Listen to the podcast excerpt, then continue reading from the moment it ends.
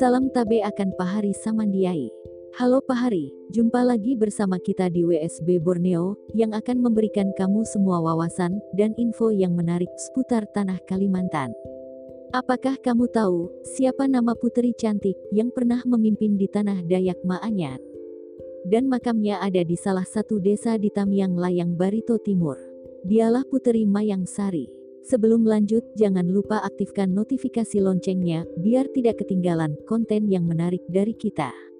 Ini dia cerita hikayat Puteri Mayang Sari, versi WSB Borneo.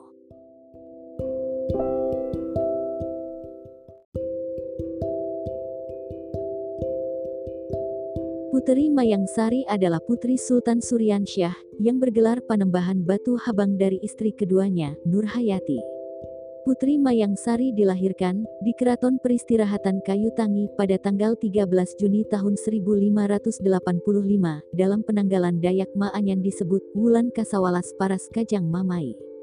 Sedangkan ibunya Putri Mayang Sari yaitu Nur Hayati, menurut tradisi lisan orang Dayak Maanyan adalah perempuan Maanyan cucu dari Labai Lamiyah tokoh mubalik suku Dayak Maanyan.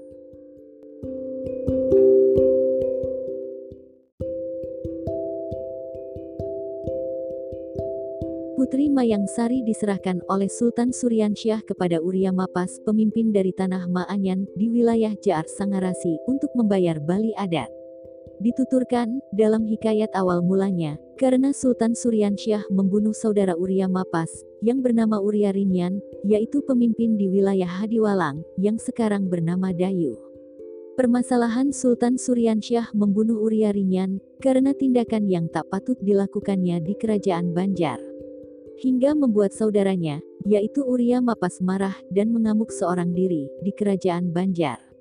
Banyak korban jatuh akibat mandau Uria Mapas. Hingga pada akhirnya Sultan Suryansyah mengajaknya berdamai. Akibatnya, Sultan Suryansyah terkena denda adat Bali, yaitu selain membayar sejumlah barang adat juga harus menyerahkan anaknya sebagai ganti orang yang dibunuhnya. Dengan melihat kecantikan dari Putri Mayang Sari, Uria Mapas langsung setuju. Sejak saat itu Uria Mapas membawanya kembali ke Jaar dan mengangkat Putri Mayang Sari sebagai anak dan pemimpin selanjutnya.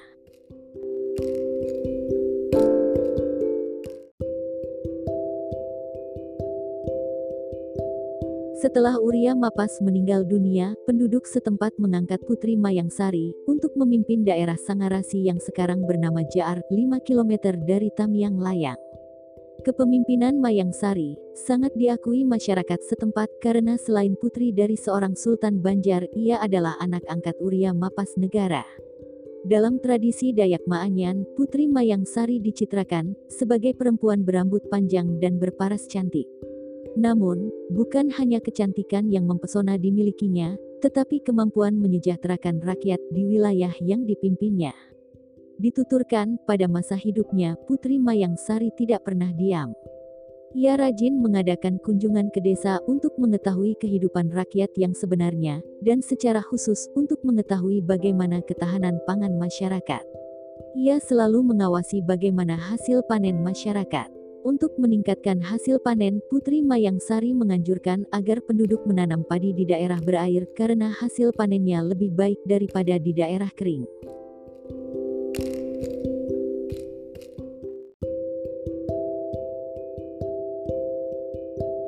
Setelah mengalami sakit selama tiga hari pada tanggal 15 Oktober tahun 1615 atau dalam penanggalan Dayak Maanyan, disebut Wulan ketiga Paras Kajang Minau Putri Mayang Sari wafat. Karena kecintaan rakyat kepadanya, jasadnya tidak langsung dikuburkan, tetapi disemayamkan terlebih dahulu di dalam rumah hingga kering. Setelah mengering karena cairan dari mayat disalurkan ke dalam tempayan, jasad Putri Mayang dibawa ke seluruh daerah agar semua rakyat mendapat kesempatan memberikan penghormatan terakhir kepada pemimpin mereka yang telah meninggal dunia. Akhirnya, jenazah putri disemayamkan di Sangarasi yaitu wilayah Jaar Tamiang Layang, Kabupaten Barito Timur, Provinsi Kalimantan Tengah.